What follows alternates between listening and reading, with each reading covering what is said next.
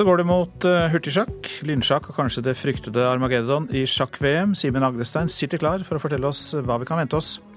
Her får du også høre mer om at uh, en høy andel innvandrere på skolene ikke fører til at elevene får dårligere karakterer.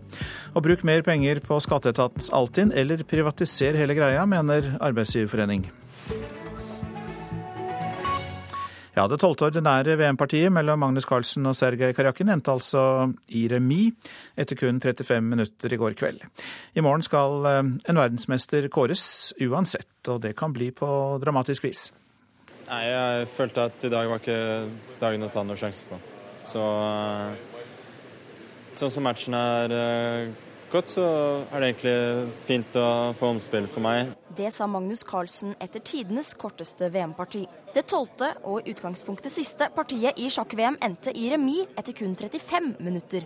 Nå venter omspill på onsdag, hvor tempoet skrus betraktelig opp. Da får vi se et drama med kort tenketid, der det virkelig går unna. Der også pila vår kommer til å svinge mer, og det blir action for alle penga. Det sa NRKs sjakkekspert Torstein Bae. For på onsdag skal spillerne først gjennom hurtigsjakk, hvor de starter med 25 minutter på klokken. Dersom det fortsatt står uavgjort etter fire partier hurtigsjakk, skal spillerne gjennom lynsjakk, hvor de kun får fem minutter hver på klokken. Dersom det også skulle stå uavgjort etter fem kamper lynsjakk, blir VM-kampen avgjort på en måte sjakkverden aldri har sett før, nemlig med Armageddon. Her får spilleren med hvite brikker en fordel med fem minutter på klokken, mens den med svarte brikker kun får fire. Men tvisten er at hvit må vinne, men svart kan greie seg med remis. NRKs sjakkekspert tror det er nervene som vil avgjøre omspillet på onsdag. Det blir nok mye dette med å spille riktig med tanke på risiko, ikke ta for store sjanser, spille litt safe og, og samtidig få press på motstanderen. Men først og fremst så blir det nervene som avgjør. Den som klarer å holde hodet kaldt når klokka tikker ned mot null, som den gjør egentlig veldig fort når det er kort tenketid, den vil vinne dette og bli verdensmester. Hvem er favoritt? Magnus er favoritt, er nummer én på verdensrankingen også i hurtigsjakk. Regjerende verdensmester, men vi vet Karjakin også er sterk, så det blir en eh, tøff og jevn batalje. Og reporter her var eh, Ida Moseng. Simen Agdestein, velkommen.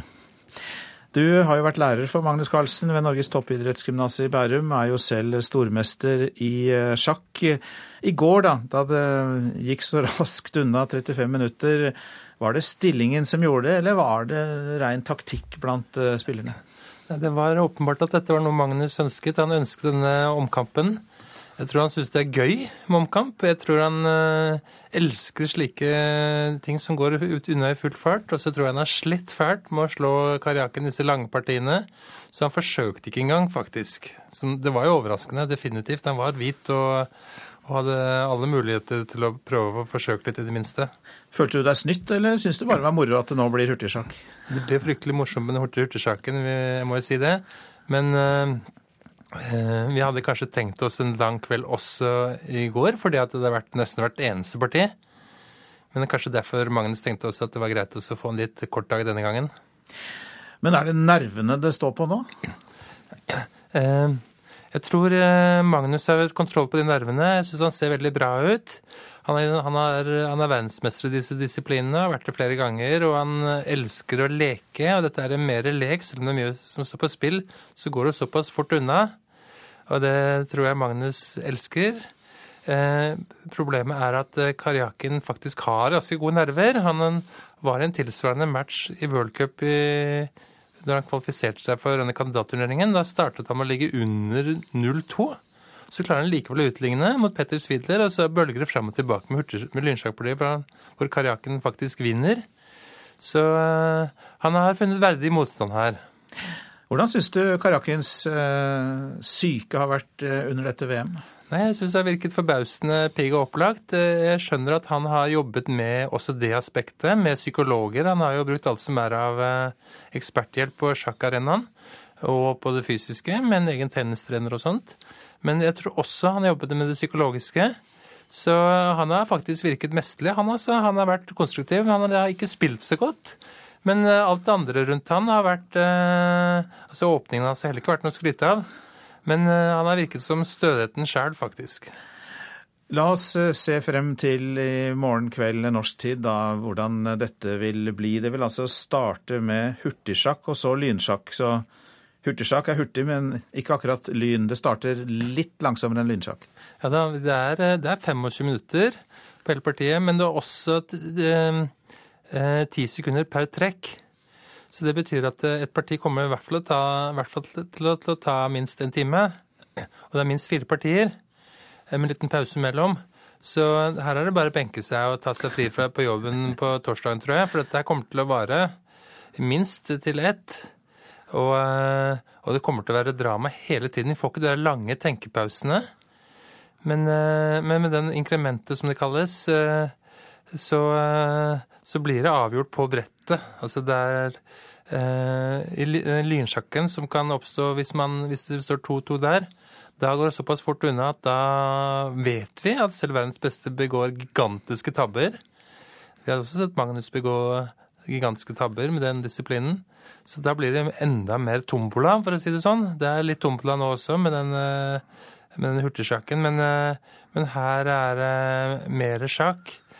Og eh, det blir mindre og mindre sjakk og mer og mer tilfeldig jo kortere betenkningstiden er. Ja, altså Hurtigsjakken det er altså fire partier, og de, de, vil da sannsynligvis ta fire timer. Og så Hvis det ikke blir en avgjørelse der, så fortsetter man videre da, etter fire timer ja, med lynsjakk. Da spiller man minimatcher, to og to partier. Hvor eh, den første som har sikra seg en eh, seier i de to matchene, vinner. Men er, man kan gjøre fem sånne matcher, altså totalt ti partier. Og hvis det da står ennå likt, så får vi dette berømte Armageddon-partiet, hvor den ene får eh, litt bedre betenkningstid, mens den andre får fordelen med å, å vinne med remis. Ja, det minner vel nesten om det som du som eh, landslagsspiller i fotball eh, vil kunne kalle straffekok da, på slutten, nesten. Ja, det, det var jo veldig omstridt når dette her plutselig ble innført for en del år siden. Da var det jo alt, foregikk alt mye, mye mye langsommere. Ja. Men det skal populariseres, og så får man varianter som dette her. Var, før så var jo også VM-matchene mye lenger. Man hadde jo fått 24 partier. Og, no, og man har hatt VM-matcher liksom, Den lengste var jo mellom Karpov og Kasparov. Den var jo 47 partier før den måtte avbrytes fordi at FIDE-presidenten mente det var helsefarlig. så for, for, partene, og kanskje også da for publikum, så går det tross alt raskere denne gangen. Hjertelig takk for at du kom, Simen Agnestein. Og vi håper å høre fra deg igjen. Og så blir det spennende å se hvordan dette går i morgen. Vi har fått inn en melding om at colombianske myndigheter sier de har rykket ut til en flystyrt med 72 passasjerer involvert. Ifølge nyhetsbyrået AFP er et brasiliansk fotballag blant passasjerene. Omstendighetene rundt ulykken er fremdeles uklare, for dette har jo nettopp kommet inn. Høy andel innvandrere på skolene fører ikke til at elevene får dårligere karakterer. Forskere ved Universitetet i Oslo sier de ble overrasket over resultatet. Nå arbeider de med en omfattende studie av hvordan integrering i Norge går. Og Her ser du boligmønsteret i Oslo i 1990, og her ser du det samme i 2010. Og det handler primært, Så du ser jo en ganske stor endring. Professor Gunn Elisabeth Birkelund trekker pekefingeren over et Oslo-kart som viser hvordan deler av byen har fått en stor befolkning med innvandrerbakgrunn. Norge har jo blitt utsatt for eh, ganske omfattende innvandring, i likhet med veldig mange andre land. Og spørsmålet er jo hvilken betydning har dette både for majoritetsbefolkningen og deres barn, og for innvandrerne som kommer og deres barn. Og forskningsprosjektet Birkelund og kollega Are Skeia Hermansen på Institutt for sosiologi og samfunnsgeografi på Blindern leder, har allerede gitt et ganske overraskende resultat da de testet hvordan elevers resultater påvirkes av hvor stor innvandrerandel det er på skolen. Så finner vi faktisk at det er eh, ingen sammenheng for eh, elever med norske majoritetsforeldre. Og faktisk en svak positiv effekt for eh, elever med innvandrerbakgrunn. Altså Det kan se ut til at de har en liten gevinst av å gå på skoler med en noe høyere eh, innvandrerandel. I august møtte NRK Soliman Sarwar fra Privatmegleren på grensa mellom to skolekretser på Nordstrand i Oslo. Forskjellen mellom lik størrelse på et hus der og der oppe, den er stor. Den er sånn typ halvannen til to millioner. Riktig postnummer, riktig skolekrets. Der oppe så er det feil postnummer, feil bydel og feil skole. Selv om den skolen her også har et godt rykte på seg, så er det litt sånn andelen utenlandske. Ut fra forskningsresultatene er det altså ikke skoleresultatene som er en god begrunnelse for å betale millionbeløp ekstra for at barna skal gå på skole med få innvandrere. En tenkt elev. Det er ikke noe som tyder på at den eleven vil gjøre det dårligere på skolen av at det er mange innvandrere på skolen? Ikke sånn basert på våre resultater, så kan vi ikke konkludere med det. Det ser ut til at den eh, effekten ikke er der. Mm. Ble dere overraska? Ja, i og for seg så var det jo ikke den hypotesen vi gikk, eh, eller begynte med, for å si det sånn. Rundt ti forskere skal nå jobbe i to år med å kartlegge hvordan eksempelvis kriminalitet, yrkesdeltakelse og fattigdom påvirkes av hvem vi bor ved siden av. Det er her dere skal finne ut hvilken vei Norge går? Ja, kanskje det. Reportasjen var laget av Trond Lydersen. Og mens vi venter på at regjeringen og støttepartiene skal bli enige om budsjettet, så tar du for deg andre viktige saker i Politisk kvarter om en time, programleder Lilla Sølhusvik. Ja, de som hadde håpa på oljeplattformer et stykke utenfor fjordene, fjellene og fiskebåtene, de gikk på en smell i helga. Både Troms og Finnmark Arbeiderparti sa nei til konsekvensutredning i Lofoten og Vesterålen. Fra før vet vi at alle kommuner i Lofoten mener det samme. Nå håper hele miljøbevegelsen at Arbeiderpartiet som sådan, når de skal ha landsmøte til våren, kommer etter. Men det verken tror eller håper oljeentusiaster i andre deler av partiet. De som lurer på hva Norge egentlig skal leve av, om vi ikke skal fortsette å ta opp olje fra havet.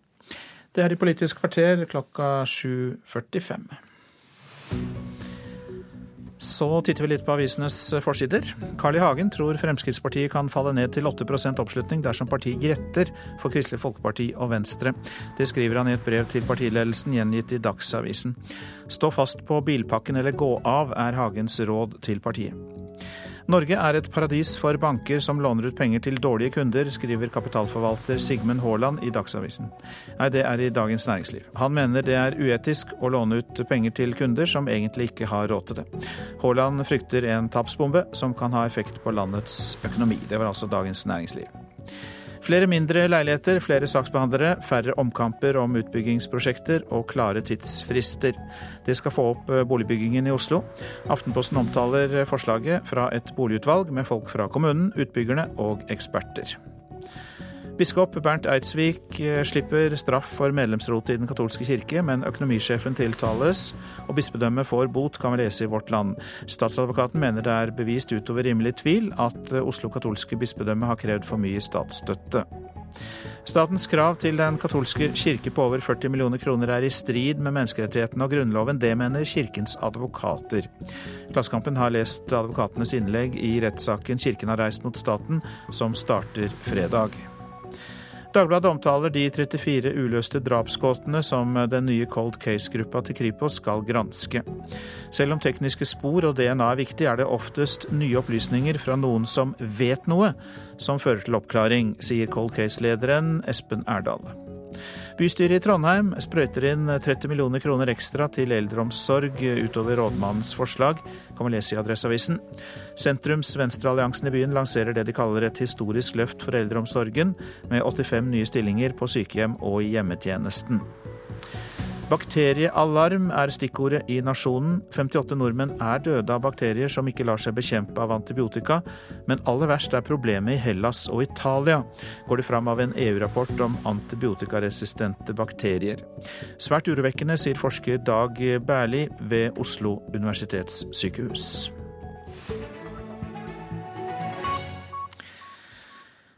I 2003 ble den mannen vi nå skal omtale, dømt til 21 års forvaring for å ha drept og voldtatt sin stedatter. I dag møter den 53 år gamle trønderen i Sør-Trøndelag tingrett, fordi han ønsker å bli løslatt på prøve. Det er påtalemyndighetens oppfatning at det fortsatt foreligger en nærliggende gjentakelsesfare. Og det er grunnen for at vi nå har tatt ut en tiltale, slik at eh, domstolen skal få prøvd det. Sier førstestatsadvokat Bjørn Christian Suknes. Han skal sjøl føre saka for påtalemakta i Sør-Trøndelag tingrett tirsdag og onsdag. I 2002 drepte og voldtok tiltalte den tolv år gamle stedattera si i Steinkjer, mens han var aleine heime sammen med henne.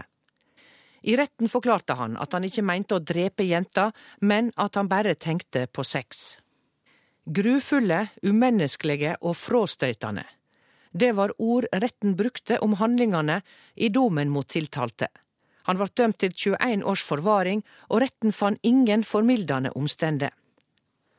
For to år siden søkte han om prøveløslating, men retten mente det fremdeles var fare for at han kunne gjøre lignende igjen. Tre sakkunnige skal legge fram vurderingene sine av tiltalte i tingretten tirsdag, sier statsadvokat Suknes. Og eh, Det vil jo kanskje da være rettens viktigste grunnlag for å ta stilling til om det foreligger en gjentakelsesfare eller ikke. Men min eller vår oppfatning er at det foreligger en slik fare, og av den grunn så vil vi ikke gå inn for en opphevelse eller opphør av, av dommen. Det er andre gangen at 53-åringen har tatt liv. I 1987 ble han dømt til ti års fengsel for å ha drept samboeren sin i Namsos. Han kom ut av fengsel i 1994. To år seinere flytta han sammen med mor til jenta, som han drepte i 2002. Advokat André Martinussen Larsen representerer tiltalte, men sier til NRK at han ikke har noen kommentar nå. Det er satt av to dager til saka i Sør-Trøndelag tingrett. Sa reporter Kari Sørbø. Klokka har akkurat passert 6.49. Eh, Dette er hovedsaker. Colombianske myndigheter sier de har rykket ut til en flystyrt med 72 passasjerer involvert. Ifølge nyhetsbyrået AFP er et brasiliansk fotballag blant passasjerene, og vi følger denne saken utover i eh, Nyhetsmorgen. Høy andel innvandrere på skolene fører ikke til at elevene får dårligere karakterer. Forskere ved Universitetet i Oslo sier de ble overrasket over resultatet. Og en mann i 30-årene ble knivstukket på Jeløy i Moss og døde i natt. Det forteller operasjonsleder Tom Sandberg ved politiet i Østfold.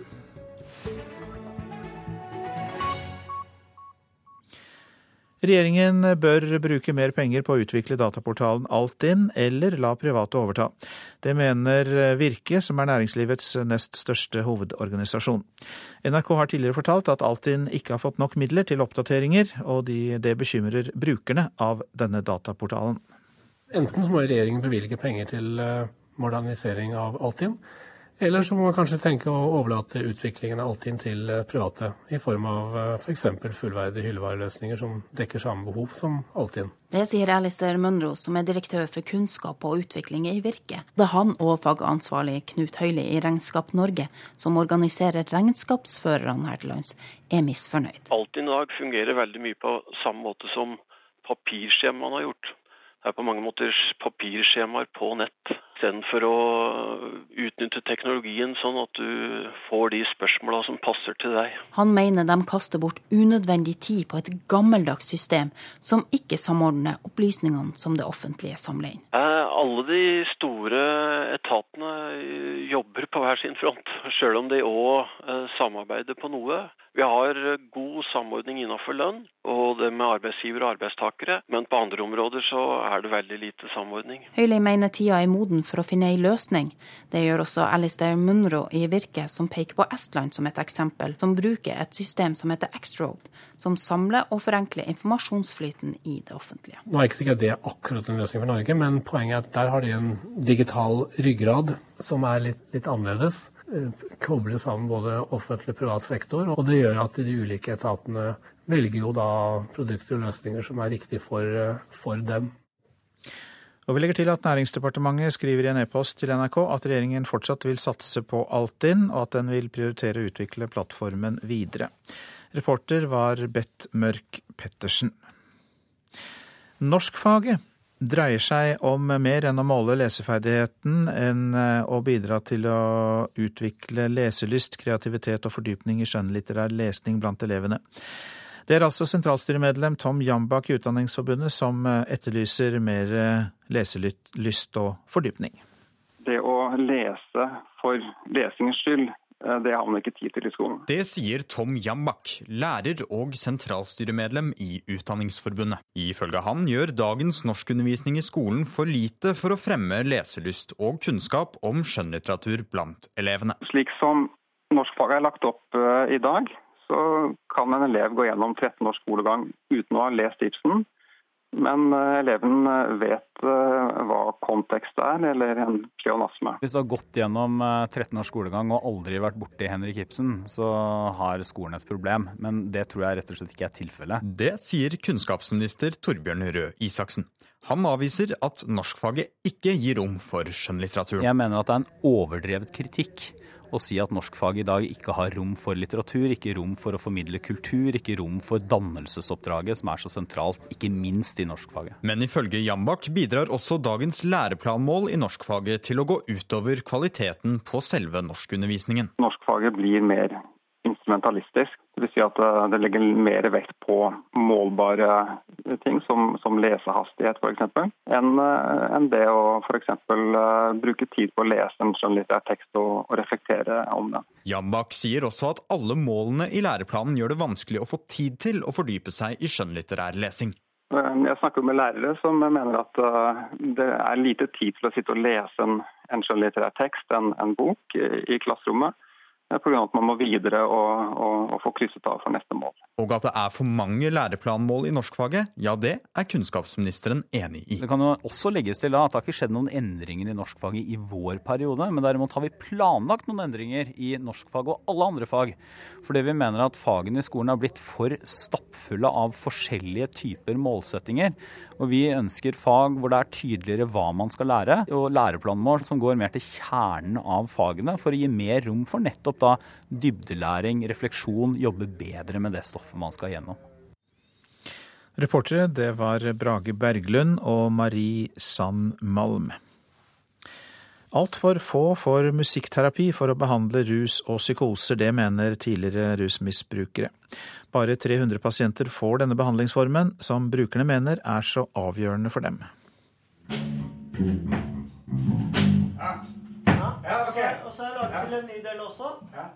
På et lyst øvingsrom fullt av instrumenter viser Knut musikkterapeuten det nye bassriffet han har laga.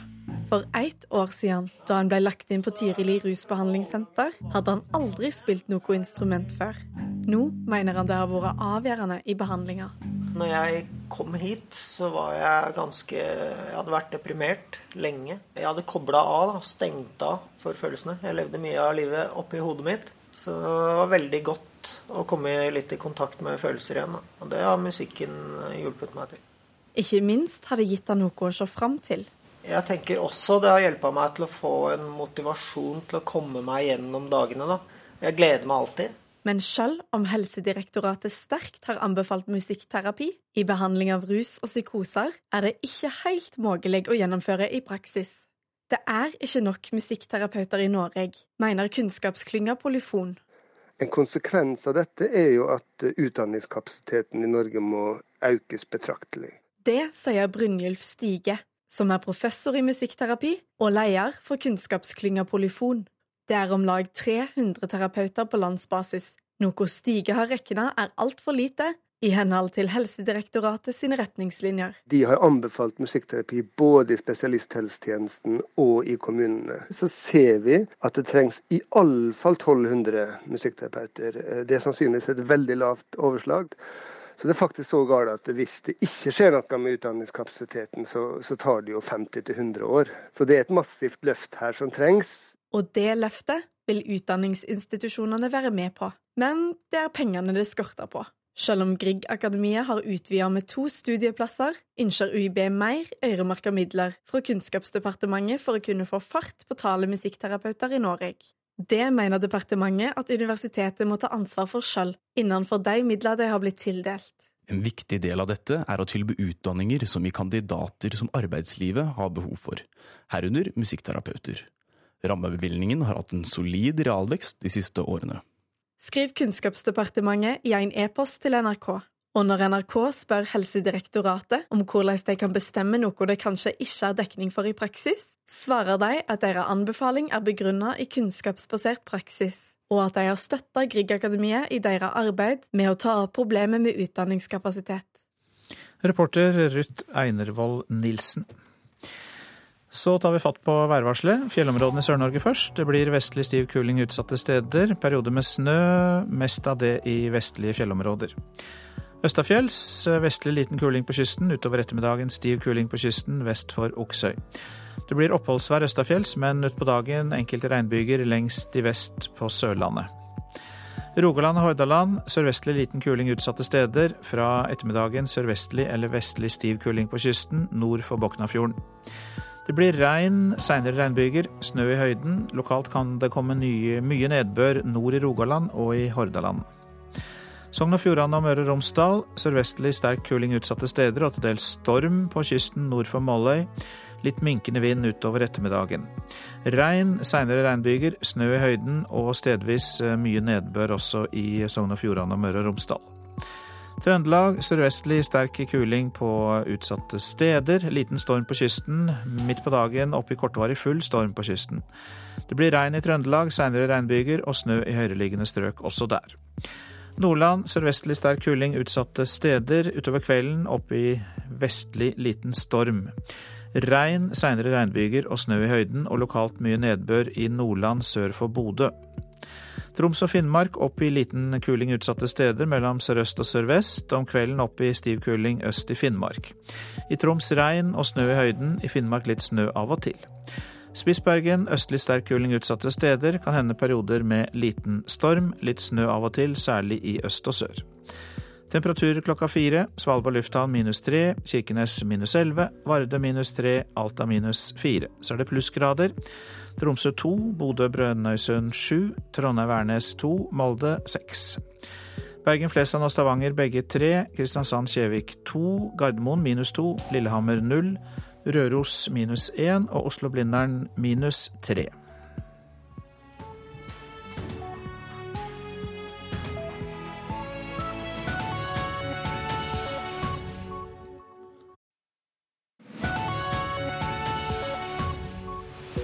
Og her i Nyhetsmorgen tar vi for oss disse sakene. Ingen avklaring om statsbudsjettet etter møter i statsministerboligen i går. Går det mot et brudd? Politiet vil åpne telefoner med tvang, hørte vi i Dagsnytt. Hva sier forsker og internettspesialist Gisle Hannemyr? Rohingya-minoriteten i Myanmar er på flukt. Cubanerne står i lange køer for å hedre Castro.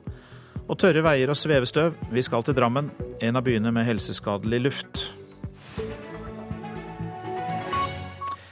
Ja, det var fullt hus hos statsministeren i går kveld. Likevel så ble det ingen løsning for regjeringen og samarbeidspartiene etter at eh, nok et budsjettforslag har blitt lagt fram.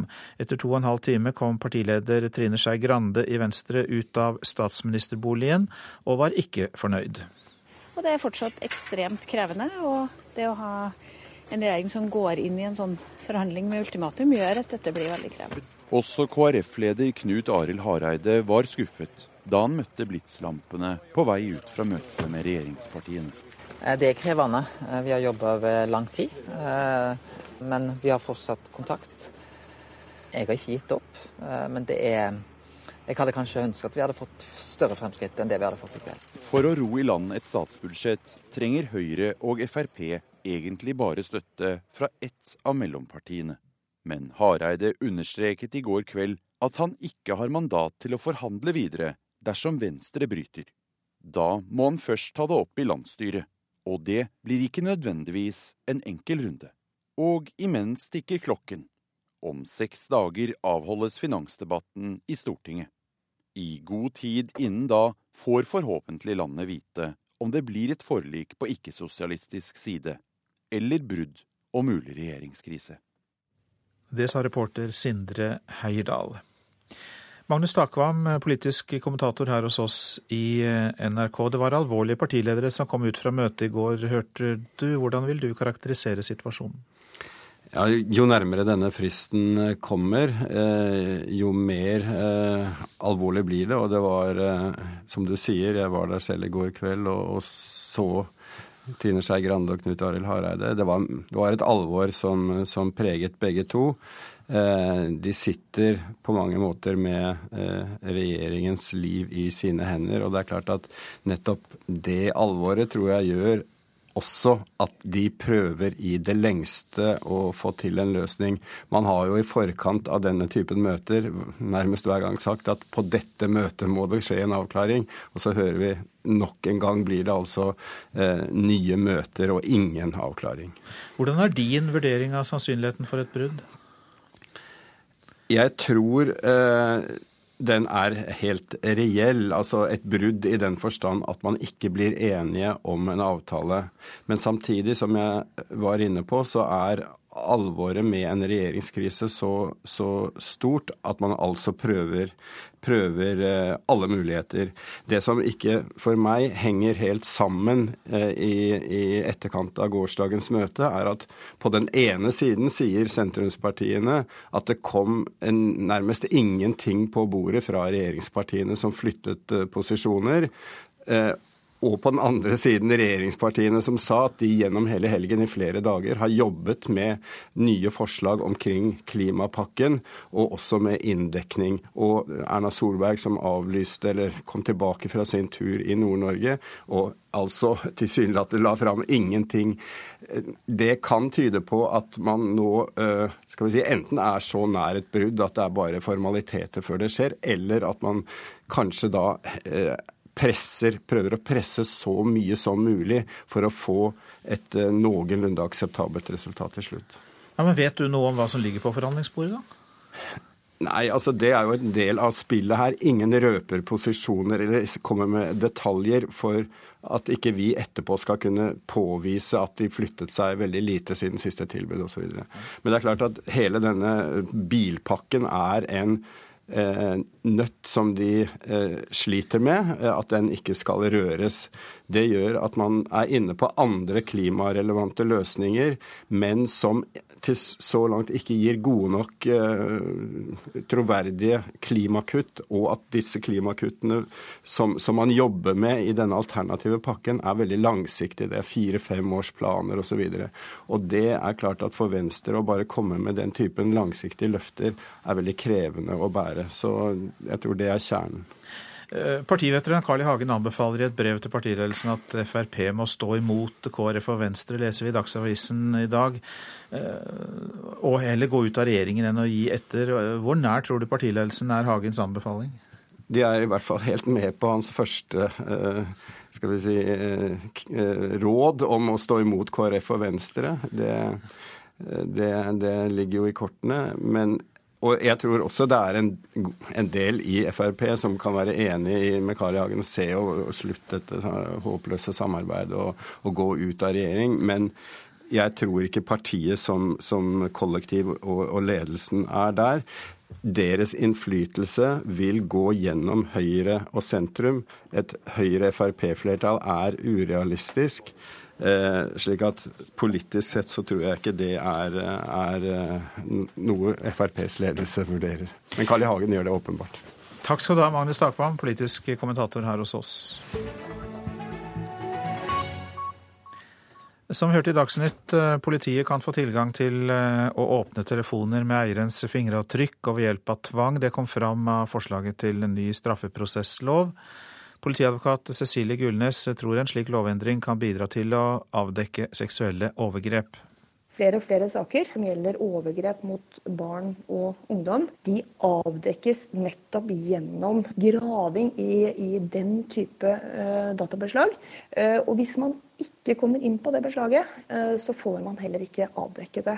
og Derfor er det veldig viktig med en sånn lovendring som gjør, dette, som gjør det mulig å avdekke slike saker og stoppe stoppe overgripere. Dagens lovverk ble tidligere i høst til hinder for politiet, da de med tvang åpnet telefonen til en mann de mistenkte forgrep seg på flere barn. Saken vokste i omfang basert på funn gjort på telefonen, men dette er ikke lov, avgjorde Høyesterett, og det er dermed ikke gitt at bevisene kan brukes. Det denne lovendringen dreier seg om, er hvor langt politiet har lov til å gå når de etterforsker oss. Det sier menneskerettighetsadvokat Jon Wessel Aas. Politiet skal i utgangspunktet ha tilgang til bevis eh, der hvor det er skjellig grunn til mistanke om at det er begått noe straffbart osv. Det er ikke noe nytt. Det er bare spørsmål om hvor langt inn i folks eh, indre liv de kan komme.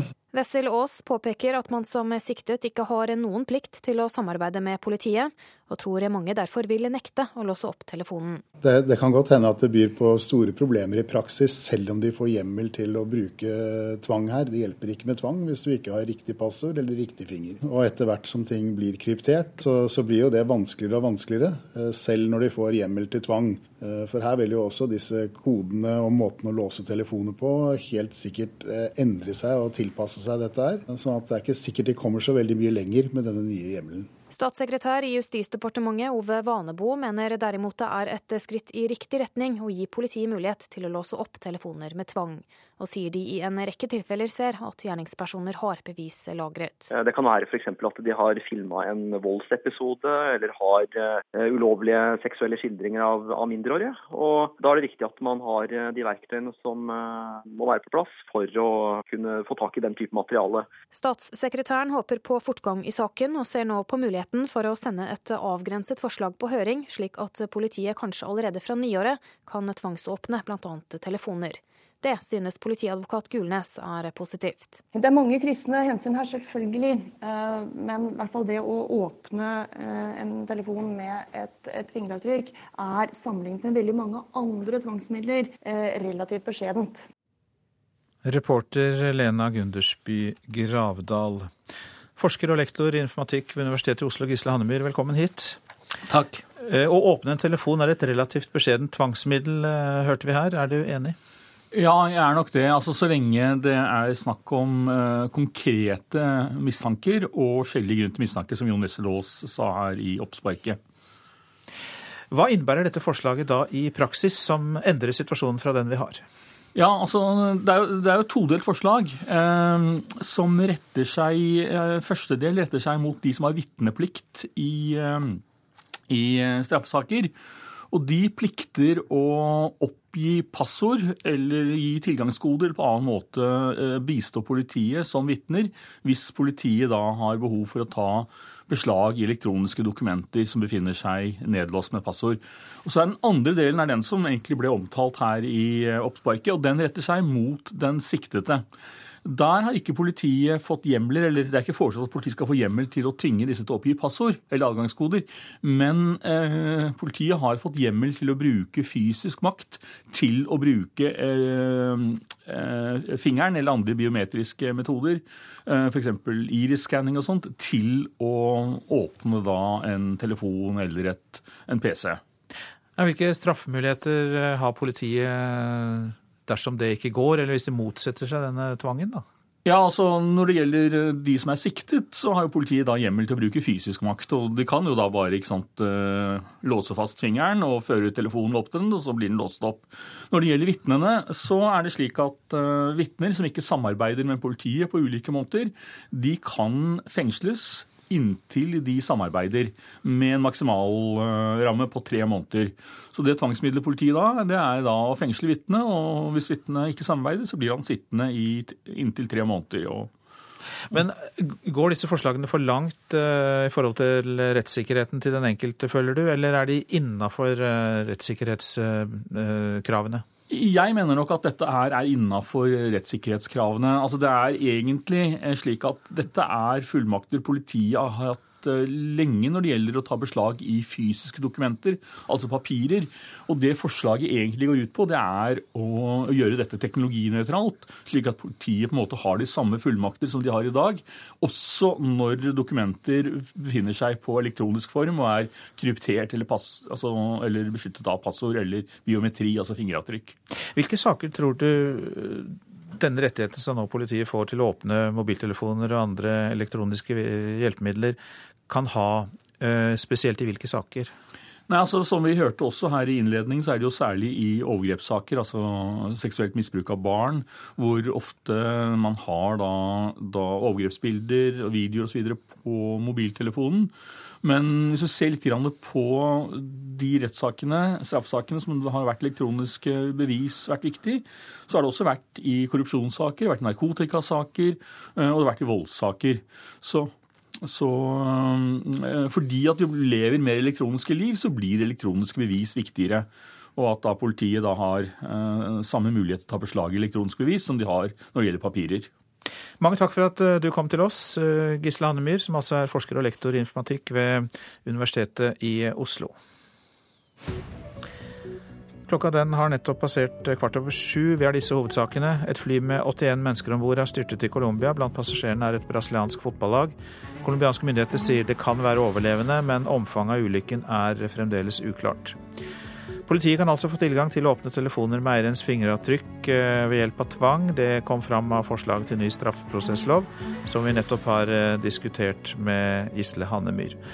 Og en mann i 30-årene døde av skadene han fikk da han ble knivstukket i Moss i går. Det opplyser politiet i Østfold. En jevnaldrende mann er pågrepet og siktet for drapsforsøk. Nå til Asia og Myanmar. Det meldes om en stor flyktningstrøm fra delstaten Rakhine over til Bangladesh. En million mennesker fra den statsløse rohingya-minoriteten bor i denne delen av Myanmar. Det har vært uro og trefninger med regjeringsstyrker i over en måned. Og I går sa Myanmars hærsjef eh, at grunnloven gir ham rett til å ta over eh, styringen av landet dersom uroen sprer seg, og han må erklære unntakstilstand. Asia-korrespondent Petter Svaar, betyr da det at hæren kan avsette Aung San Suu Kyi og hennes regjering? Ja, det gjør det. Og hæren kan ta tilbake styringen over eh, Myanmar. Det åpner grunnløven for.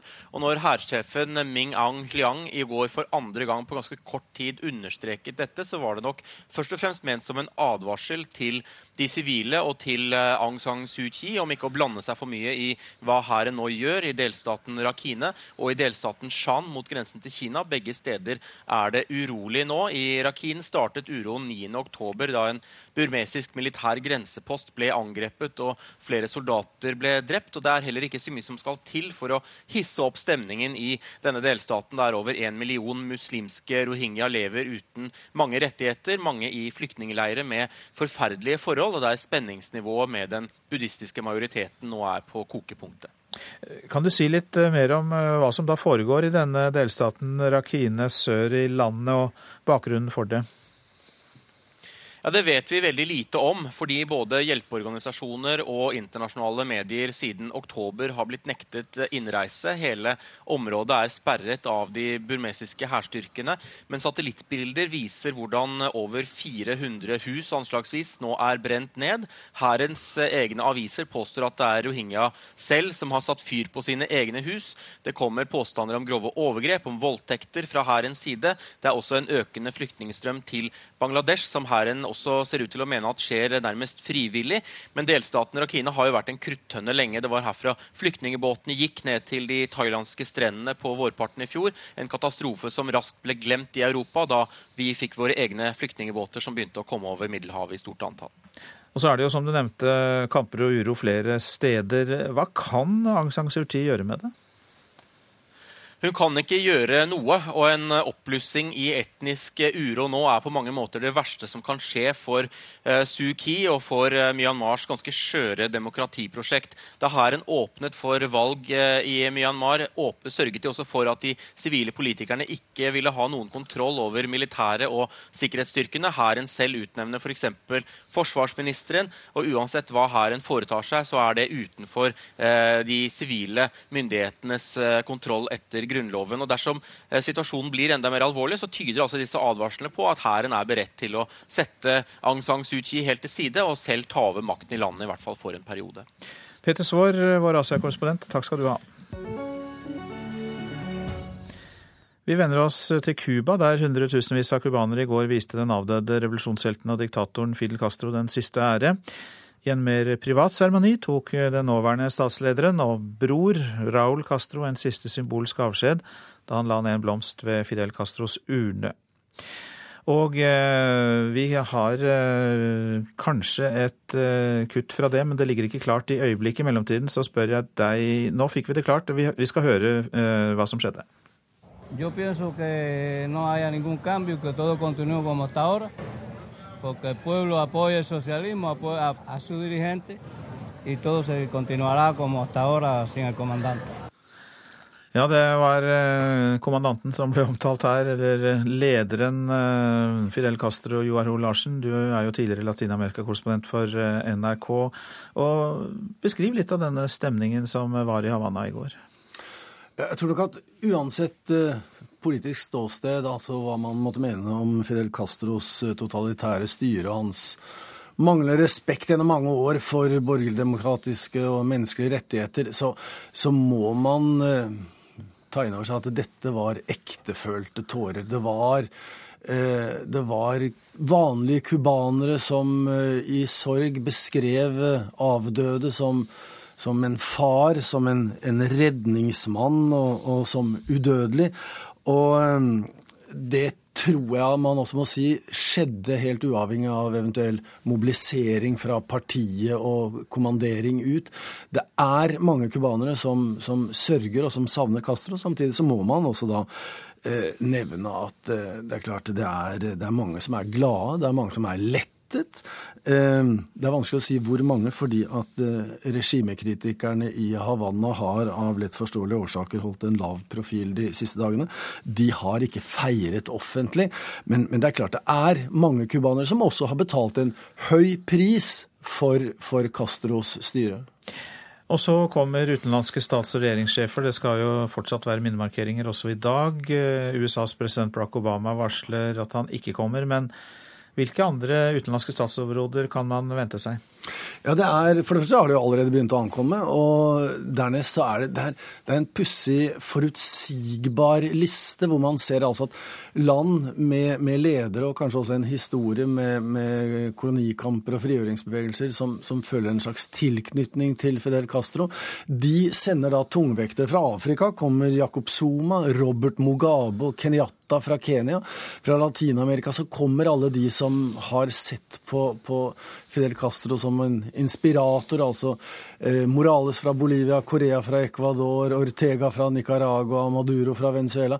Mens fra de vestlige land, som du sier, Obama kommer ikke, man sender enten tidligere ledere, som tyskerne, eh, Gerhard Schröder, tidligere forbundskansler, Spania sender den tidligere kolonimakten, sender eh, ekskong Juan Carlos, eller så er man representert med ministre og ambassadører. Eh, uangripelig rent eh, diplomatisk og etikettemessig sett, men altså på et lavere nivå, men, men eh, korrekt. Og så skal begravelsen eh, finne sted på søndag. Hvordan skal den foregå, og dette med symbolikken rundt den? Ja, nå er det jo altså denne store offentlige seremonien i Havanna i dag. Så skal urnen på en slags rundreise rundt omkring i landet, slik at cubanere også utenfor Havanna skal kunne få anledning til å ta avskjed med El Commandante. Eh, og så skal det da være en noe mer lukket, ikke fullt så offisielt prangende seremoni på søndag, der han blir gravlagt da i Santiago øst i landet. Eh, og det er delvis også med utgangspunkt i Fidel Castros egne ønsker om at personkultus, det skulle han ha seg frabedt, selv om han da jo dyrkes som en landsfader på Cuba. Men, men, man toner ned eh, individet Fidel Castro også i denne sammenheng. Dette skal vi nok snakke noe mer om, og sikkert se bilder fra etter hvert. Takk for at du kom, Joar Hoel Larsen, tidligere Latin-Amerika-korrespondent og utenriksmedarbeider. Så var det en titt på avisene, da. Carl I. Hagen tror Fremskrittspartiet kan falle ned til 8% oppslutning dersom partiet gir etter for Kristelig Folkeparti og Venstre. Han skriver det i et brev til partiledelsen som er gjengitt i Dagsavisen. Stå fast på bilpakken eller gå av, er Hagens råd til partiet. Norge er et paradis for banker som låner ut penger til dårlige kunder, skriver kapitalforvalter Sigmund Haaland i Dagens Næringsliv. Han mener det er uetisk å låne ut penger til kunder som egentlig ikke har råd til det. Haaland frykter en tapsbombe som kan ha effekt på landets økonomi. Flere mindre leiligheter, flere saksbehandlere, færre omkamper om utbyggingsprosjekter og klare tidsfrister. Det skal få opp boligbyggingen i Oslo. Aftenposten omtaler forslagene fra et boligutvalg med folk fra kommunen, utbyggerne og eksperter. Biskop Bernt Eidsvik eh, slipper straff for medlemsrotet i Den katolske kirke, men økonomisjefen tiltales, og bispedømmet får en bot, kan vi lese i Vårt Land. Statsadvokaten mener det er bevist utover rimelig tvil at Oslo katolske bispedømme har krevd for mye i statsstøtte. Statens krav til Den katolske kirke på over 40 millioner kroner er i strid med menneskerettighetene og Grunnloven, mener kirkens advokater. Klassekampen har lest advokatenes innlegg i rettssaken kirken har reist mot staten, som starter fredag. Dagbladet omtaler de 34 uløste drapsgåtene her i landet som den nye cold case-gruppa til Kripos skal granske. Selv om tekniske spor og DNA er viktig, er det oftest nye opplysninger fra noen som vet noe, som fører til oppklaring. Det sier cold case-sjefen selv, Espen Erdal. Bystyret i Trondheim sprøyter inn 30 millioner kroner ekstra til eldreomsorgen utover det rådmannen foreslår, kan vi lese om i Adresseavisen. Sentrums-Venstre-alliansen lanserer det de kaller et historisk løft for eldreomsorgen, med 85 nye stillinger på sykehjem og i hjemmehjelptjenesten. Bakteriealarm er stikkordet i Nasjonen. 58 nordmenn er så langt døde av bakterier som ikke lar seg bekjempe antibiotika, men aller verst er problemet i Hellas og i Italia. Det går fram av en rapport fra EU om antibiotikaresistente bakterier. Og dette er svært urovekkende, sier forsker Dag Berli ved Oslo universitetssykehus. Ja, I nyhetene de siste par dagene har vi hørt at lite nedbør har bidratt til mer luftforurensning. Det er tørre veier og piggdekk som gir mer svevestøv og forårsaker dårlig luftkvalitet. Og I går ble det registrert at luften var helseskadelig flere steder i landet, bl.a. da i Drammen. Unnskyld? Nei. Føler du at det er eh, frisk luft du puster inn nå? Eh, nei, ikke egentlig. Nei. Gjør ikke det? Nei, jeg gjør egentlig ikke det.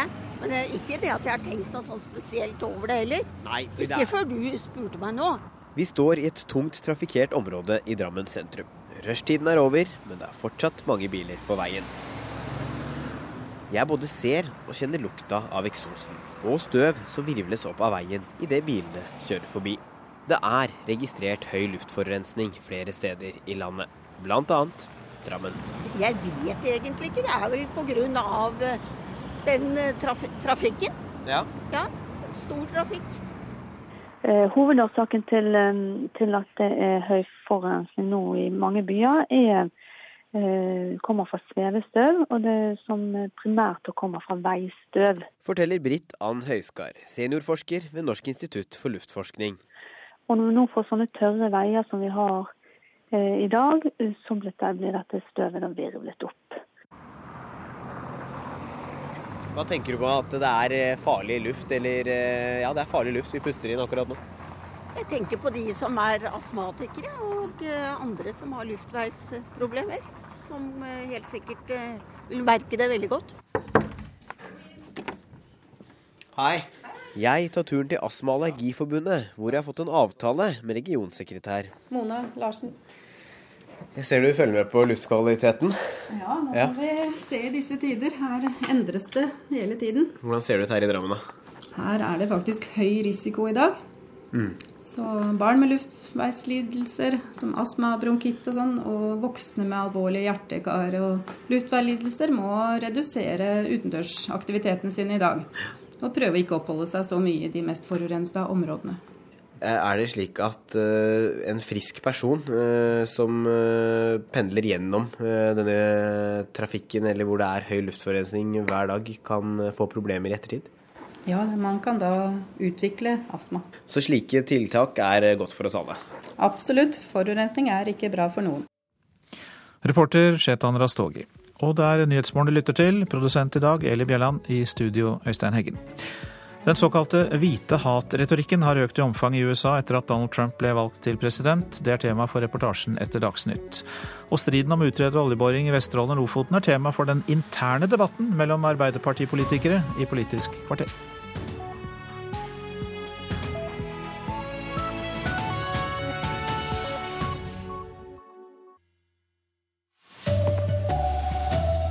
Fly med over 70 passasjerer om bord har styrtet i Colombia. En ulovlig metode kan bli tillatt. Politiet kan få rett til å låse opp telefoner ved tvang. Skoler med høy innvandrerandel har like høyt karaktersnitt som andre skoler. Her er NRK Dagsnytt klokken er 7.30. Og vi skal aller først til Colombia, der et fly med over 70 passasjerer om bord har styrtet. Utenriksmedarbeider Joar Ho Larsen, hva vet du om det som har skjedd? Eh, vi vet selvfølgelig ingenting om årsaken, men det skal ha vært eh, dårlig vær, vanskelige forhold i området eh, syd for Medellin, dit flyet skulle. Det kom aldri frem. Eh, det, er, det er et chartret fly som var på vei fra Brasil, hadde mellomlandet i Bolivia. Vi vet foreløpig ikke noe om de har meldt om vanskeligheter. Det er mørkt det er kaldt, det er vinter, det er vanskelig å få frem meldinger. Men det er sendt redningsmannskaper inn til det området der det angivelig da skal ha styrtet. Og borgermesteren i Medien har sagt at det skal være overlevende. Utover det så vet vi svært lite. Men, men de som var om bord, hvem var det? Ja, Det er jo nesten litt eh, typisk latinamerikansk. Dette var altså et fly som var chartret i Brasil. Det var et, eh, et fotballag, Chapacuense, som var på vei til Medellin for å spille finalen i Syd-Amerika-cupen. Altså det er et brasiliansk lag mot et lag fra Colombia. Det skulle skje i morgen.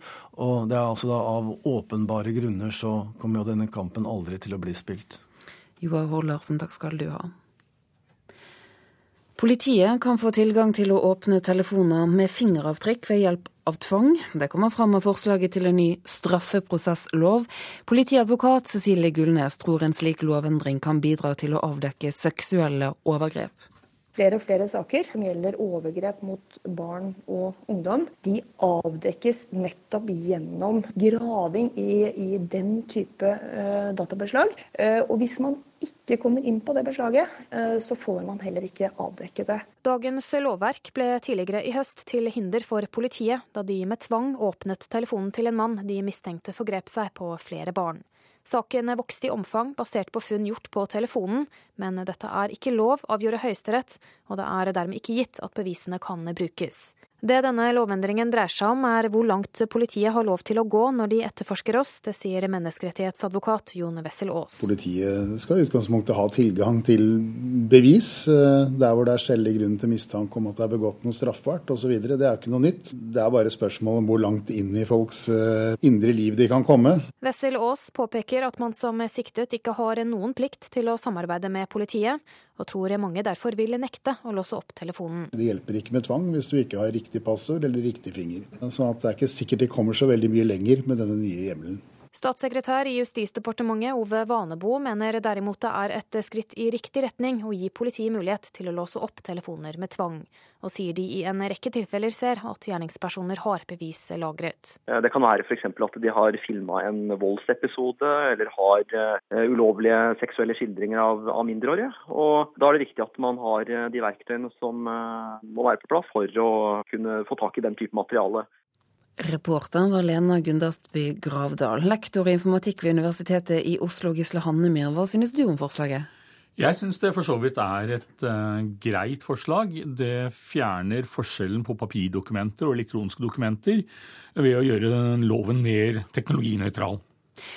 Vil du si at uh, Vi hørte jo politiadvokaten her nevne overgrepssaker. Men hvilke andre typer saker kan dette være en fordel for politiet? Altså Der hvor elektroniske dokumenter har vært bevis, så har det hjulpet eh, også en del eh, sak, andre typer saker. Narkotika, vold, eh, korrupsjon, utpressing osv. Men overgrepssaker er nok det som er aller vanligst. Er det fordel å få en opprydning på dette feltet? Jeg syns det for så vidt er greit at man får en teknologinøytral lov. Hva slags hensyn må det tas for at ikke dette skal bryte med personvernet? Ja, altså... Eh, det skal være forholdsmessig, og det skal være formålstjenlig. Det er liksom det som Den europeiske menneskerettighetskonvensjon setter. Og jeg mener at denne, dette forslaget passerer den testen. Altså at det er forholdsmessig og formålstjenlig. Gisle Hanne Myhr, lektor i informatikk ved Universitetet i Oslo, takk skal du ha. En høy innvandrerandel på norske skoler gjør ikke at elevene får dårligere karakterer, viser forskning fra Universitetet i Oslo. Professor Gunn Elisabeth Birkelund leder prosjektet som ser på integreringen i Norge. Norge har jo blitt utsatt for eh, ganske omfattende innvandring, i likhet med veldig mange andre land. Og spørsmålet er jo hvilken betydning har dette både for majoritetsbefolkningen og deres barn, og for innvandrerne som kommer og deres barn. Forskningsprosjektet Birkelund og kollega Are Skeie Hermansen på Institutt for sosiologi og samfunnsgeografi på Blindern leder, har allerede gitt et ganske overraskende resultat da de testet hvordan elevers resultater påvirkes av hvor stor innvandrerandel det er på skolen. Så finner vi faktisk at det er eh, ingen sammenheng for eh, elever med norske majoritetsforeldre. Og faktisk en svak positiv effekt for eh, elever med innvandrerbakgrunn. Altså Det kan se ut til at de har en liten gevinst av å gå på skoler med en noe høyere eh, innvandrerandel. Reporter her, det var Trond Lydersen. Så er det fremdeles ingen løsning for statsbudsjettet for neste år. Heller ikke i går kveld ble partiene enige. De har en knapp uke på seg, og politisk kommentator Magnus Takvam, tror du de kommer til å bli enige?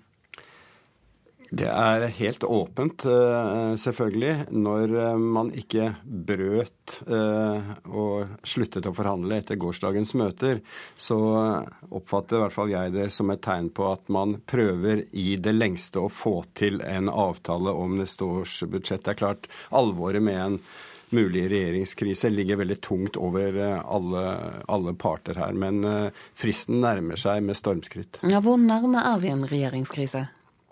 Som jeg er inne på, så er det helt åpent. Og det er i eh, konflikten eller konfliktlinjen mellom eh, Frp og Venstre det fremdeles ikke er en løsning. Eh, partene har litt ulik eh, oppsummering av gårsdagens eh, møte, der sentrumspartiene sier de fikk ingenting på bordet, mens den andre siden sier at jo, de la nye grønne forslag på bordet, ny, nye forslag til inndekning og økt ramme, men det er åpenbart et kjempepress nå mot slutten for i hvert fall å prøve å få en løsning som er akseptabel. Men som sagt, Eh, ikke-enighet er absolutt eh, også en, eh, en opsjon. Hva vet vi om det som ligger på bordet nå?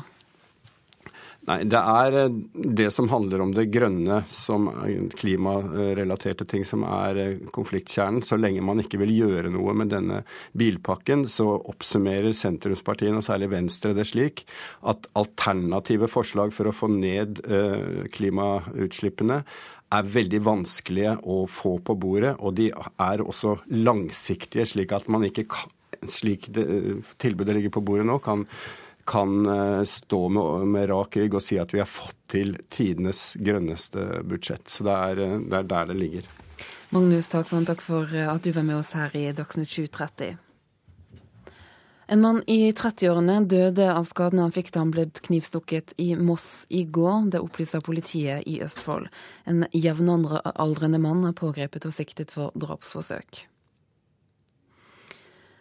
Det tolvte og i utgangspunktet siste VM-partiet mellom Magnus Carlsen og Sergej Kajakin endte i remis etter kun 35 minutter i går kveld. I morgen skal en verdensmester kåres uansett, og det på dramatisk vis. Jeg følte at i dag var ikke dagen å ta noen sjanse på. Sånn som matchen er uh, gått, så er det egentlig fint å få omspill for meg. Det sa Magnus Carlsen etter tidenes korteste VM-parti. Det tolvte og i utgangspunktet siste partiet i sjakk-VM endte i remis etter kun 35 minutter. Nå venter omspill på onsdag, hvor tempoet skrus betraktelig opp. Da får vi se et drama med kort tenketid, der det virkelig går unna. Der også pila vår kommer til å svinge mer, og det blir action for alle penga. Det sa NRKs sjakkekspert Torstein Bae. NRKs sjakkekspert tror det er nervene som vil avgjøre omspillet på onsdag. Det blir nok mye dette med å spille riktig med tanke på risiko, ikke ta for store sjanser, spille litt safe og, og samtidig få press på motstanderen. Men først og fremst så blir det nervene som avgjør. Den som klarer å holde hodet kaldt når klokka tikker ned mot null, som den gjør egentlig veldig fort når det er kort tenketid, den vil vinne dette og bli verdensmester. Hvem er favoritt? Magnus er favoritt, er nummer én på verdensrankingen også i hurtigsjakk. Regjerende verdensmester, men vi vet Karjakin også er sterk, så det blir en eh, tøff og jevn batalje. Ja, I morgen så skal det altså avgjøres. Reporter her, det var Ida Moseng.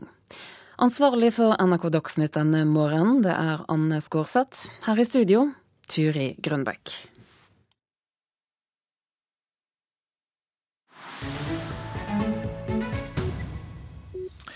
Og da kan vi slå fast at du lytter til Nyhetsmorgen. I USA har den såkalte hvite hat-retorikken økt i omfang etter at Donald Trump ble valgt til president.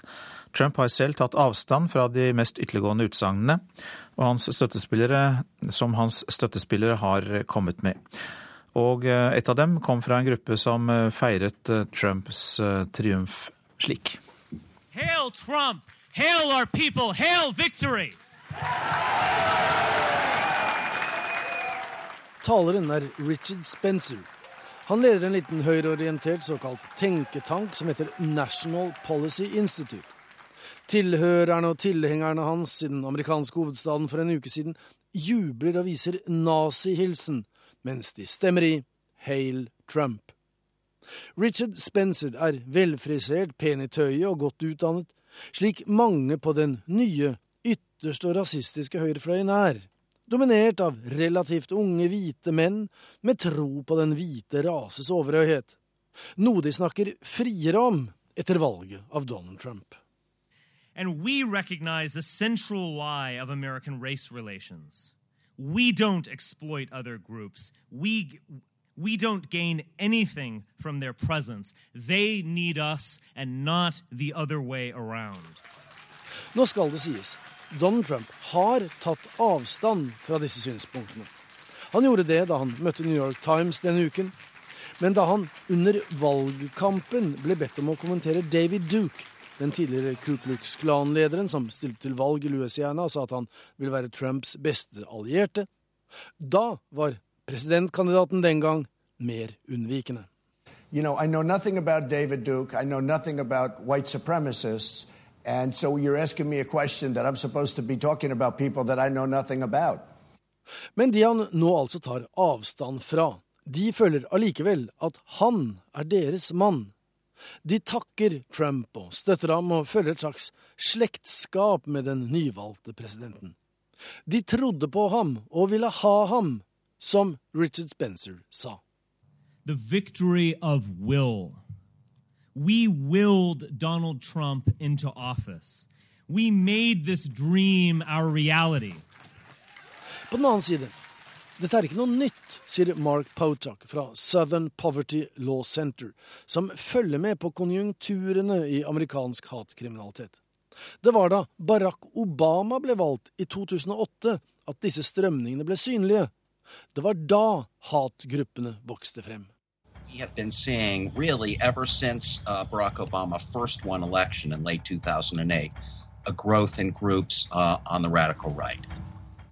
På fire år, fra Obama ble valgt i 2008 til han ble gjenvalgt i 2012, økte antall kjente hatgrupper, altså såkalte patriotiske grupper av militante nasjonalister, fra 150 til 1360 på fire år, ifølge Mark Potok. Og dette siste året har Donald Trump gitt disse gruppene større handlefrihet ved å bære ved til bålet, som han sier. In the last year, though, uh, Donald Trump has added fuel to that fire in a very big way. Mark Potok understreker at det er ikke slik at Trump på noen som helst måte styrer disse gruppene.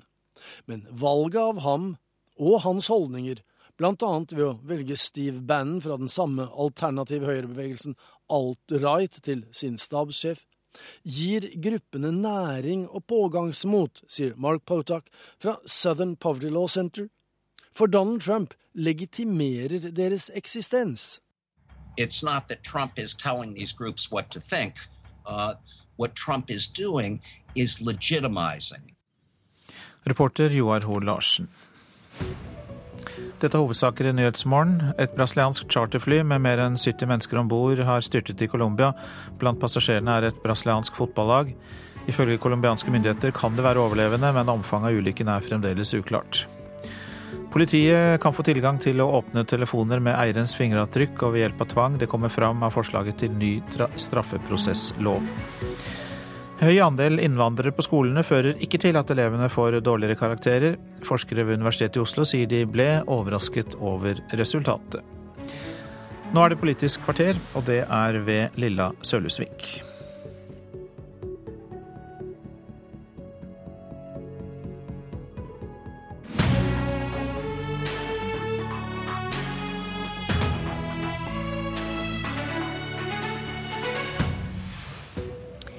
De som hadde håpa på oljeplattformer et stykke utenfor fjordene, fjellene og sjarkene, de gikk på en smell i helga. Både Troms og Finnmark Arbeiderparti sa nei til konsekvensutredning i Lofoten og Vesterålen og Senja. Nå håper miljøbevegelsen at hele Arbeiderpartiet kommer etter. Ja, I årevis har vi hørt argumentene fra Arbeiderpartiet i Nord-Norge. Folk i nord vil ha arbeidsplasser og ta del i den oljeboomen som Sør-Vestlandet har levd så godt på. Men sånn er det visst ikke lenger, for alle kommuner i Lofoten har nå sagt nei til leteboring, og i helga så sa dere det samme, Cecilie Myrseth. Du er leder i Troms Arbeiderparti. Når begynte dere å si nei til arbeidsplasser?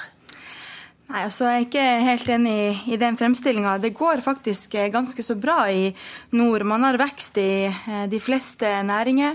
Innenfor fiskeri, innenfor havbruk, men også innenfor petroleum. Så det er vel det som er grunnen til at man har den rekordlave ledigheten i nord. I Troms er den bl.a. på 1,9% Så dette er på ingen måte et nei til arbeidsplasser. Men det er på mange måter et stort ja til fremtida. For skal man begynne å tenke på fremtida, så må man begynne, begynne, tidlig.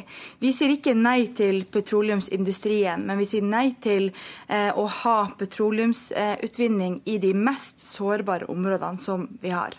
Tror du som eh, miljøbevegelsen har vært ute og jubla for nå at Arbeiderpartiet du kan få med hele partiet på landsmøtet til våren? Det jeg er ganske sikker på, er at disse vedtakene som kommer fra nord, eh, som er støtt, støtta eh, av stor del av befolkninga i Nord-Norge, kommer til å ha betydning for det vedtaket som skal bli fatta på landsmøtet. Men så er jeg sikker på at det kommer til å bli eh, mye debatt også fremover, noe vi har hatt eh, tradisjon for i alle tider i Arbeiderpartiet. Det er mange ulike meninger. Det er det også i Nord-Norge. Og det kommer nok til å være jobba med å finne ei løsning på landsmøtet, men jeg tror den kommer til å se annerledes ut enn hva den gjorde på forrige landsmøte. Anna Ljunggren, velkommen. Du er stortingsrepresentant for, eh, fra Nordland. Og du har allerede jobba for et kompromiss du, som du prøvde å få med både Troms og Finnmark med på, men det vil de ikke. Hva er det du ville ha kompromisset om? Ja, For Nordland Arbeiderparti så er det først og fremst viktig at vi får ei konsekvensutredning av områdene. Eh, og så er ikke jeg fremmed for at vi kan si at enkelte områder er så sårbare. Det vil ikke være forenlig med olje- og gassaktivitet, fiskeri, havbruk og reiseliv. Så de skal vi skjerme for olje- og gassaktivitet. Eh, jeg mener det kunne vært et godt kompromiss som vi i Nord-Norge kunne enes om. Eh, Troms og Finnmark har nå gjort vedtak i helga. Det er helt greit med debatt i Arbeiderpartiet. Vi har alltid hatt debatt om dette. Det kom litt overraskende på at Finnmark gjorde vedtak om dette, men det er helt klart og det bare, vil være et tydelig signal for meg. Arbeidsplasser og ringvirkninger på land er viktig for oss i Nordland, og det vet jeg at også har vært viktig for Finnmark, der de allerede har stor aktivitet i dag. Ja, Men hvis alt er så greit for deg, så er det kanskje greit også da at det ikke blir noen konsekvensutredning? Jeg mener at hvis vi skal se på områder som vi skal skjerme for aktivitet, og eventuelt vern, som noen snakker om, eh, det er ikke jeg tilhenger av, så må vi ha en konsekvensutredning der vi får sett på hvordan områder er det som er aller mest sårbare. Eh, og så er det jo sånn i dag at det er jo gjort ei omfattende kunnskapsinnhenting allerede. Eh, der vi ser resultater av mange undersøkelser om hvordan ynglende torsk reagerer på oljeutslipp. Og Vi vet at fisken svømmer av gårde, men det som eh, er, har de største påvirkningene, det er egg og larve. Eh, og Her mener jeg at vi kan finne gode løsninger for å ha boring bare i unngå boring i perioder der det er egg og larve i området. Så jeg mener vi kan finne gode måter for å ivareta det som jeg opplever at mange i Arbeiderpartiet er opptatt ut av, å bevare fiskeri og ikke sette det i spill. Hva er så farlig med å få den kunnskapen, Myrseth? Altså, det, er et, eh, det, er jo noen argumenter som, eh, som, eh, som, man snakker mye om. At de som, som ikke ønsker, ønsker olje, olje, og gassutvinning i disse områdene, er mot kunnskap. og det opplever, jeg opplever ikke at Anna sier det nå, men det er mange som sier det, og det stemmer jo ikke. Denne avgjørelsen er jo også beslutta på bakgrunn av, av, mye kunnskap. Og mange rapporter, det er vel sånn rundt 90 rapporter, som også sier, sier at dette ikke ikke er lurt. Eh, og så merker man jo at det er et større miljøfokus eh, i landet. Flere snakker om klima. Arbeiderpartiet får skryt for sitt klimabudsjett osv. Så, så jeg tenker at eh, akkurat disse områdene har vi nok kunnskap til å si nei til petroleumsvirksomhet i. Men så er jeg også opptatt av, som og Anna, at man skal ha ringvirkninger av, av den aktiviteten som foregår, ikke minst i nord. Og det er veldig viktig å sørge for. Og jeg tror jo eh, at bekymringa for akkurat det er litt av bakgrunnen for det vedtaket som har kommet til Finnmark. Da tenker jeg selvfølgelig på, på Johan Kastrup og ilandføring. Folk er skuffa over konsekvensene, det du sier? Ja, man har vel ikke helt fått, eh, fått det man, man ble, ble lova. Du, eh, Myrseth, du ble valgt på det samme møtet, så ble du valgt til troppkandidat for Troms Arbeiderparti. I Hordaland så har de også hatt nominasjonsmøte, og der er Leif Sande valgt til femte kandidat Hordaland Arbeiderparti sin stortingsvalgliste. Det er ingen hemmelighet at du også leder Fagforbundet Industri Energi. Og jeg lurer på, Fins det noe som helst kunnskap i den konsekvensutredningen du kjemper for, som kan få deg til å gå imot oljeutvinning i Lofoten og Vesterålen? Det vet jeg ikke, men, men i alle fall så så jobber jo med for å få en konsekvensutredning. For dette her er en eh, olje og gass, en naturressurs som vi har utnyttet i dette landet. og Det vil vi skal gjøre fortsatt, og det skal komme folk til gode. Og eh, da, For å få en konsekvensutredning det innebærer at da kan du sette deg i gang og diskutere disse kompromissene som, som blir etterlyst. Fordi at Jeg mener òg at når du skal bygge ut et område som er sårbart og interesser står imot hverandre, så må du finne løsninger som alle kan godta. Og Det har oljeindustrien òg vært flink til. Det blir alltid laga løsninger som er tilpassa. F.eks. i Barentshavet så snakker vi om hvor nært land du kan gå, hvor langt iskanten du kan gå. Og slik ville det vært her òg. Det, det som jeg syns er viktig med oljeutvikling, det er at det må gi arbeidsplasser både i samfunnet og lokalt.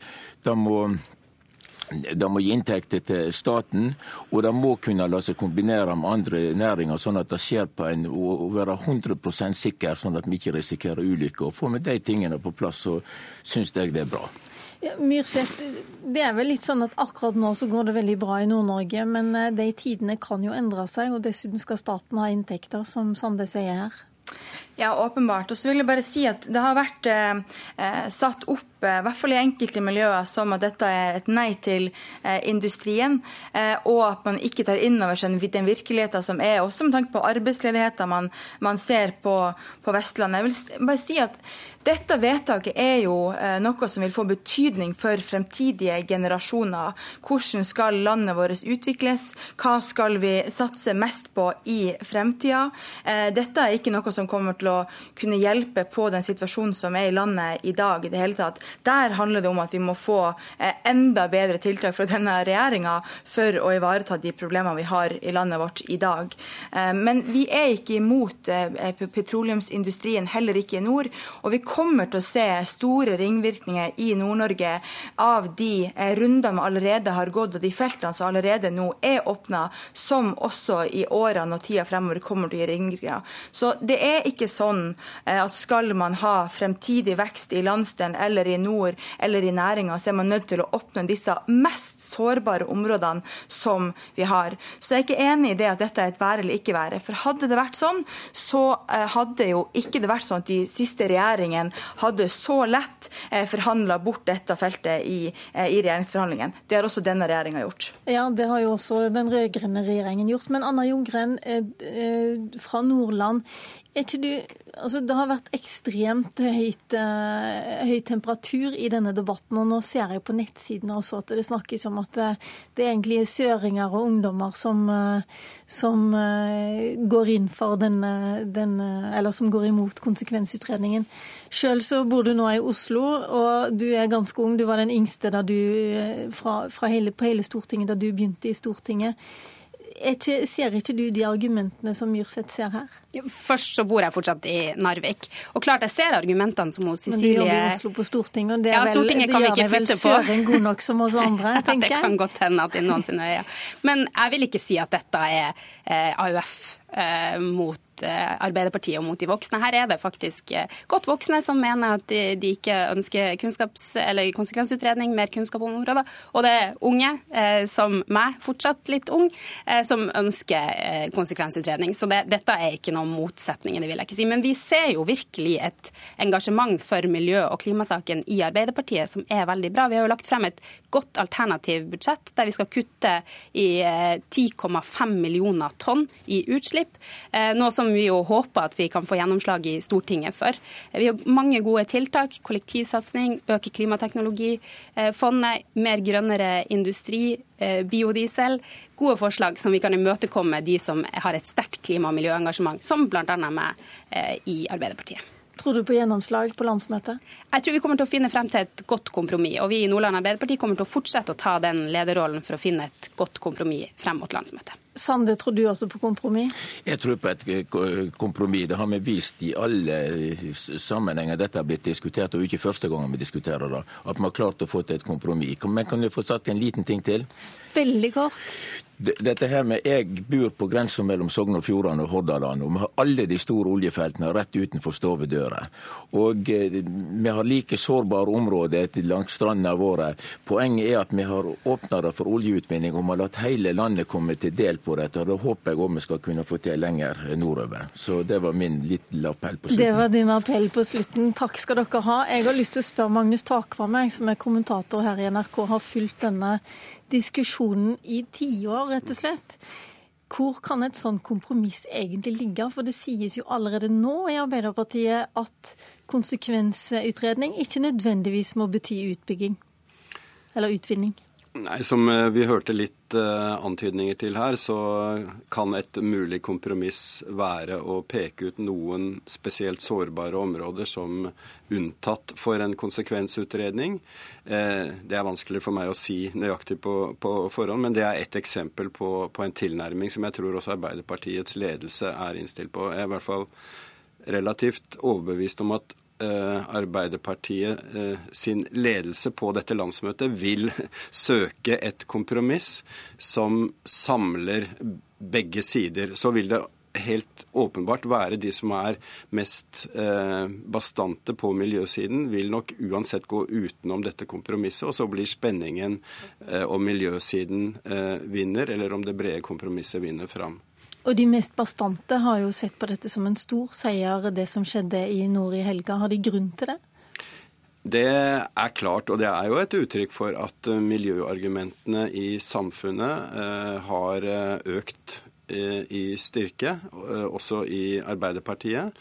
Men samtidig så er det et betydelig mindretall i begge disse fylkene. Og som vi hørte, så er det en interessant egen forklaring, tror jeg, i Finnmark som mange var overrasket over det klare standpunktet der, at de ikke har sett eller er skuffet over Statoil og, og oljeselskapene, som ikke da uh, har bidratt til å gi arbeidsplasser og ringvirkninger for, for regionen. Så det er mange argumenter uh, i, i, saken her. Mm. Fremskrittspartiet har vært ute med Per-Willy Amundsen, som eh, igjen prøver seg på som stortingskandidat. Eh, det er mange som har vært ute og sagt at her slår beina under Arbeiderpartiet som et næringsparti.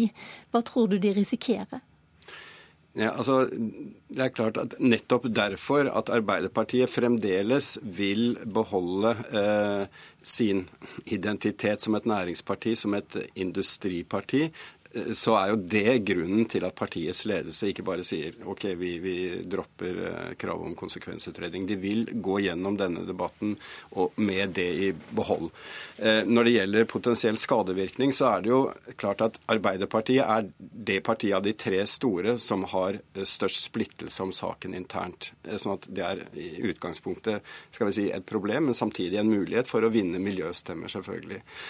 Og jeg tror nok at på begge sider av eh, blokkene så ser alle at det realpolitisk er veldig lite sannsynlig at eh, det kommer en konsekvensutredning i eh, nesten enhver tenkelig regjeringskoalisjon etter valget. Og det har også en betydning når det gjelder stemmer, tror jeg. Tusen takk skal du ha, Magnus Takvam, kommentator her i NRK. og Der fikk du også snakke om noe annet enn det statsbudsjettet som ikke ser ut til å rikke seg så veldig mye. Men selvfølgelig følger vi med i Politisk kvarter fra hver dag, eller hver dag som går, og dessuten i alle andre sendinger utover dagen også. Takk til eh, debattanter fra Tromsø, fra Nordland og fra Hordaland. Politisk kvarter var ved Lilla Sølhusvik.